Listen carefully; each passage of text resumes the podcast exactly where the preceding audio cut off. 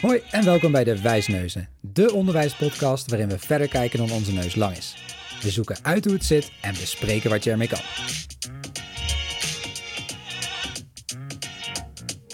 En welkom bij de vierde aflevering van de Wijsneuzen. Mijn naam is Wessel. En ik ben Linda. En in deze aflevering staat de volgende vraag centraal. Hoe worden mijn leerlingen en studenten ooit zelfregulerend? Dat zei je met een diepe zucht. Ja, ja dat is natuurlijk een, een vraag die we... Nou, in de eerste podcast zijn we al ingegaan op het begrip eigenaarschap. Nou, iets wat daar heel erg tegenaan schuurt. Maar wat zeker wat verdieping verdient, is die zelfregulatie. We willen zelfregulerende leerlingen dan wel studenten. Jij bent er ingedoken, Linda. Ja, Eh, zeker. Ja, allereerst, wat, wat is zelfregulatie? Want het is nog wel een, eh, een begrip volgens mij. Dat is het zeker. En eh, het gaat ook verder dan alleen in onderwijscontext eigenlijk. Hè? Want we willen overal in het leven zelfregulerend zijn. Ehm, en wat bedoelen we daar nou mee? Nou, eigenlijk bedoelen we daarmee dat we eh, in staat zijn om ons eigen leerproces vorm te geven en de doelen die we willen behalen ook te kunnen realiseren. Ehm, nou, daar bedoelen we mee dat we aan de ene kant realistische doelen kunnen stellen voor onszelf. Dat we kunnen nadenken over strategieën die helpen om daar te, daar te komen. Ehm, en dat we die ook kunnen plannen, kunnen uitvoeren, maar zeker ook kunnen bijsturen. Dus dat is een vaardigheid die eh, nogal eh handig Fik je is. niet even af. Ja, nee, nee. zeker. En kun, Nee. je dat, en- en kun je dat zomaar zelf leren? Of?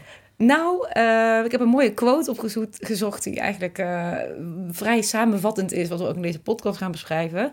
Eh, die, of die quote komt van Patrick Zins van Hogeschool Rotterdam, van het lectoraat talentontwikkeling. En hij zei, zelfregulerend leren kun je niet zelfregulerend leren. Nee, Nou, nou, lijkt me vrij duidelijk. het is klaar. Nee. Ja. nee, dus dat eh, is volgens mij een duidelijke boodschap. eh, Ja. Maar verdient wel wat toelichting natuurlijk. Want Zeker. er zijn, eh, ja, de invloed van de docent, van het onderwijs, is dus best wel groot. Ja. Op dat leren van zelfregulerend leren. Ja, en dat moet je ook leren. En ik denk dat best wel vaak bij dit be- begrip het geval is. Dat heb je toch al geleerd. Of dat kunnen ze toch wel. Alsof het een soort leeftijds dan wel niveau gebonden is. Terwijl Ja. ik denk, nou ja, het is volgens mij wat complexer dan dat. Zeker. En ik denk hè, in het, inderdaad in het hoger onderwijs of in het beroepsonderwijs verwachten we, verwachten we dat dat eerder eh, op het voortgezet onderwijs bijvoorbeeld al eh, aangeleerd is. Volgens mij bedenken we op het voortgezet onderwijs dat we dat op de basisschool al hebben geleerd. Ja, en zo verder. Dus Ja. we schuiven, het is heel impliciet vaak. Ja. Ehm, en eh, nou, daar ga ik zo ook nog wel wat meer op in. Ehm, denk eerst even nog goed om nou, een welbekende theorie rondom zelfregulatie te benoemen. Eh, en dat is het model van Zimmerman. Bestaat uit drie fases eigenlijk die je als student doorloopt of als leerling als je zelfregulerend leert. En de eerste fase is dan de voorbereidende fase. Nou, en dan kan je bijvoorbeeld denken aan, nou, dat is de fase waarin je een doel stelt of een plan of een planning gaat maken voor jezelf. Dat is dan de voorbereidingsfase. Dan komt er een uitvoeringsfase. En in die fase ja, werk je bijvoorbeeld aan kwaliteitsbesef, waar we het eerder ook over hebben gehad. Ben je het aan het doen, de handeling of de taak die je hebt gekregen? Monitor je die? En dan hebben we de laatste fase, en dat is de zelfreflectiefase. En die gaat veel meer over terugkijkend op dat proces. Wat ging er nou goed? Wat, wat hielp nou? Eh, wat, wat hielp minder? Wat zou ik volgende keer anders doen? Ja. Dus dat even grofweg, eh, ook nog om die definitie wat aan te scherpen. De drie fasen die je doorloopt als je zelfregulerend leert. Ja, en, en ei- eigenlijk iedere fase op zichzelf is al, is al best complex, kan ik me voorstellen. Überhaupt het, het goed plannen. Goed, nou, denk ook meteen aan executieve functies bijvoorbeeld. Goed kunnen overzien, wat zijn nu goede stappen? Ja. Alleen al dat, laat staan inderdaad. Dan ga je ermee aan de slag en er nog op terugblikken op een goede manier. Zeker. Dat is wel... eh, echt ingewikkeld. En des te belangrijker is dus ook hoe richten nou dat onder- onderwijs om die leerling of die student heen ja. goed in, zodat hij die fase goed kan doorlopen. Ehm, en ik ga in eerste instantie even in op eh, nou, belangrijke factoren die dat leren indirect stimuleren. Dus dat is even eh, de eerste waar ik wat over wil eh, benoemen.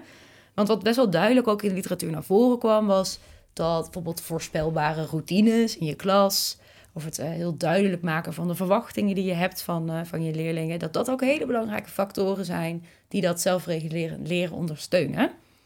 Ehm, en dat vond ik ook wel mooi. En een andere mooie was ook wel dat je je leerlingen ook aanmoedigt om hulp te vragen. Want hulp vragen is ook een een bepaalde manier eigenlijk van zelfregulerend leren. Ja, en dat dat niet erg is. Precies. Nee. Dus dat doet wat al met eh, hoe, welke cultuur en sfeer zet je in je, in je klas neer. Ehm, een andere waarvan ze zeiden, is ook een belangrijk indirecte, eh, ja, bevorderlijke eh, aspect, is welke hulpmiddelen zet je in. En daar hebben we het ook al bij de aflevering over kwaliteitsbesef, hebben we het daar ook over gehad. Ja, vorige podcast was dat. Ja, deel je met je studenten ehm, bijvoorbeeld je, de criteria. Ja, Deel je met studenten ehm, ja, een planning die je hebt voor ze. Dus dat soort dingen, die, dat helpt allemaal voor die leerlingen en die studenten om, dat, eh, om ook te begrijpen... hé, hey, waar ben ik mee bezig en ben ik op schema en doe ik het, nou, doe ik het goed? Die vraag hoefde we niet meer stellen nee, precies. in de Maar, vorige podcast. Maar ja, ja. nou dat, ja. Dus welke hulpmiddelen bied je aan? Dat is een belangrijke ook indirect.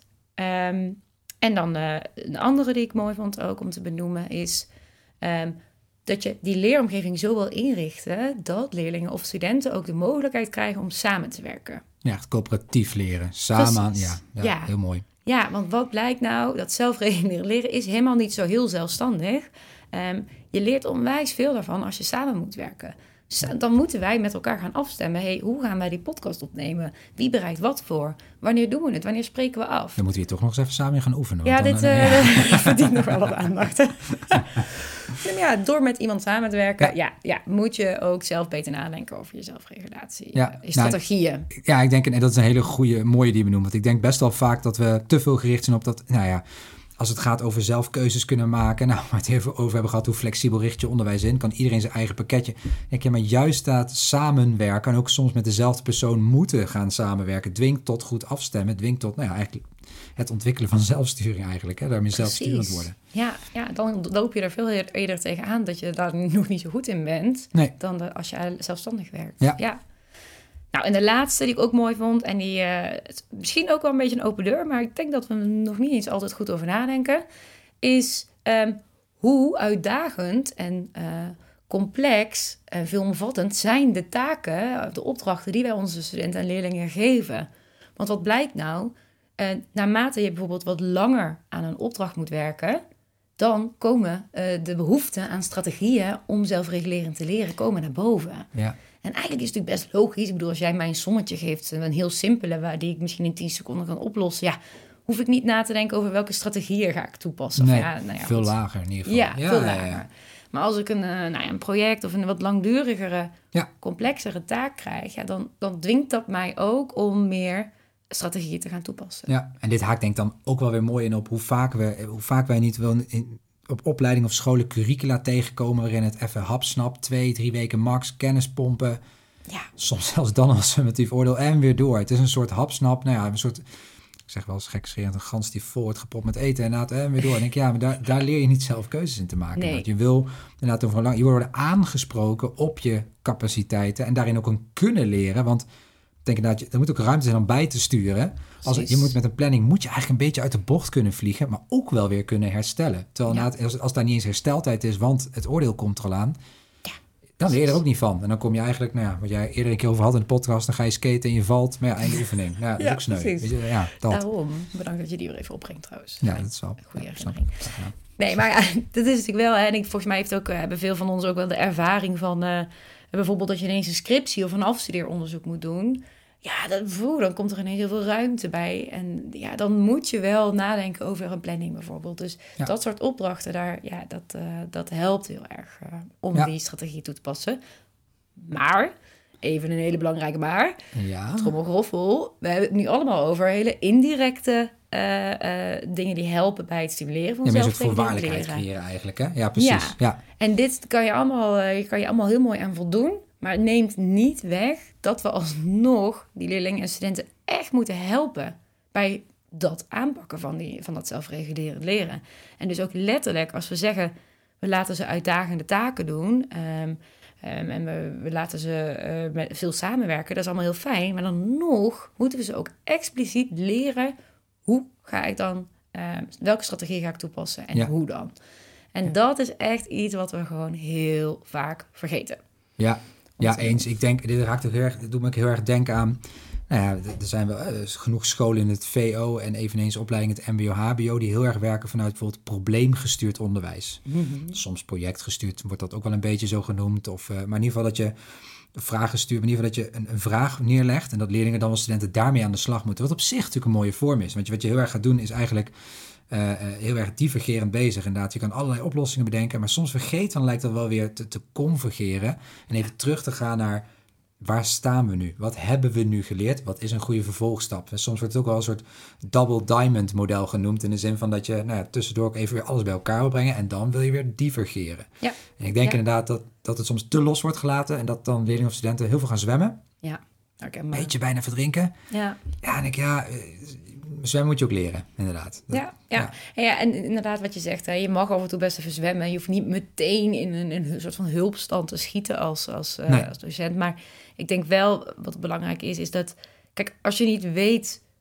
Ja, als je niet weet wat er te weten valt, zeg maar, ja. om jezelf te ondersteunen bij, uh, bij leren, dan, dan ga je daar ook niet opkomen. Nee, nee, en dat is wel, denk ik, een beetje de kern van, um, ook van zelfregulerend leren.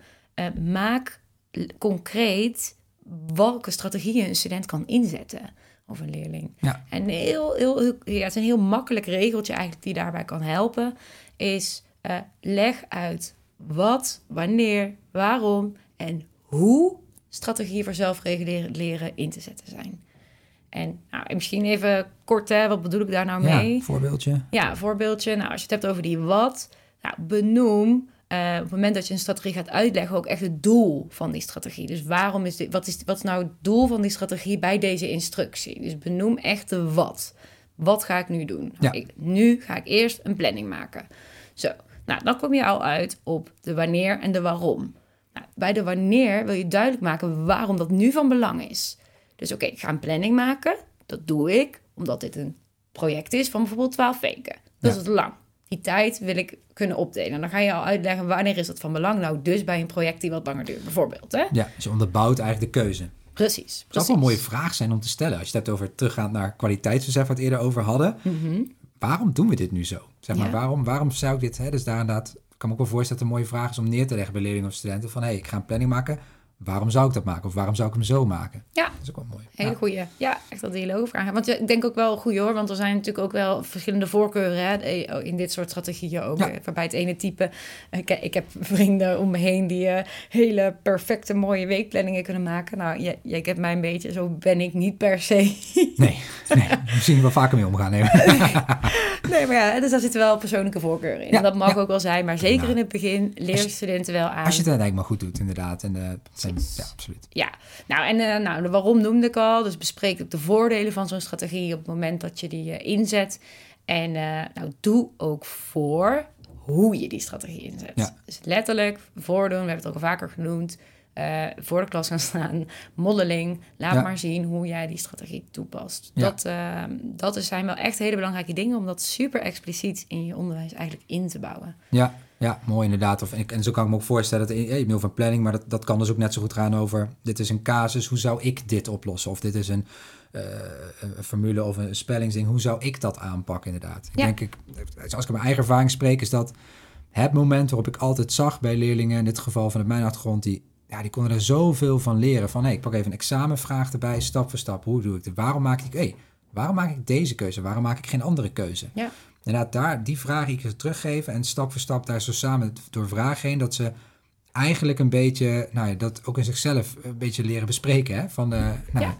En ik denk dat, dat daar wil je eigenlijk zitten, inderdaad. Dat, eh, Precies. is wel een mooie. Ja. En ik denk ook, er zit ook heel veel leerwinst hè, voor, de, voor, de, voor jou als docent in. Want soms dan heb je een hele goede uitleg, uitleg gegeven, een hele goede les gehad. En dan vallen bijvoorbeeld resultaten tegen. En soms weet je dan niet, waar gaat het dan mis? ja. Maar op deze manier sta je ook veel dichter op dat proces wat die leerlingen hebben eh, doorlopen. Dus dan is het makkelijker om die ook, daar ook de fouten in te herkennen en bij te sturen. Mooie. Yes. Mooie. Ja. Nou, even een laatste ding wat ik nog wil noemen, wat ook belangrijk is bij, eh bij zelfregulering leren, is reflecteer samen met die leerlingen en studenten ook aan achteraf hoe een proces is verlopen. Sla die stap niet over. Ehm, soms dan eh, rondelen we het af met een beoordeling, gaan we door naar een volgend onderwijsonderdeel. Ja, Ehm, maar terugblikken, hoe heb je dat nou aangepakt? Hoe ging dat nou? Ja, dus die feedback ook niet alleen op wat is goed en minder goed gegaan, maar ook Nee. juist inderdaad op het proces en die zelfmonitoring inderdaad, denk ik. Hè? Ja, Precies. dus dat, Precies. Yes. Nou, misschien nog even samenvatten, terug naar die vraag... hoe worden die leerlingen en studenten nou ooit zelfregulerend? Je kunt nadenken over hoe richt je de context in... Eh, dus bied grotere opdrachten aan bijvoorbeeld... of eh, zorg voor samenwerking, dat soort elementen. Maar vooral, doe voor, bespreek expliciet met ze... welke strategieën er zijn en eh, reflecteer daarop. en volgens mij hou- en hou ook de ruimte in je curriculum om dit te doen. Ook denk ik wel belangrijk, want eh, nou ja, dat doe je niet even 1, 2, 3. Nee, precies. Dus dat eh, Precies. helder. Oké. Nou, dankjewel. Yes, graag gedaan. En jullie bedankt voor het luisteren. En tot, Tot de volgende. Leuk dat je weer hebt geluisterd naar een aflevering van de Wijsneuzen. Wil je nou meer weten over het onderwerp dat je net hebt beluisterd? Ga dan naar vernieuwenderwijs.nl slash podcast. Heb je ideeën of suggesties voor de podcast? Stuur dan een mailtje naar podcast.vernieuwenderwijs.nl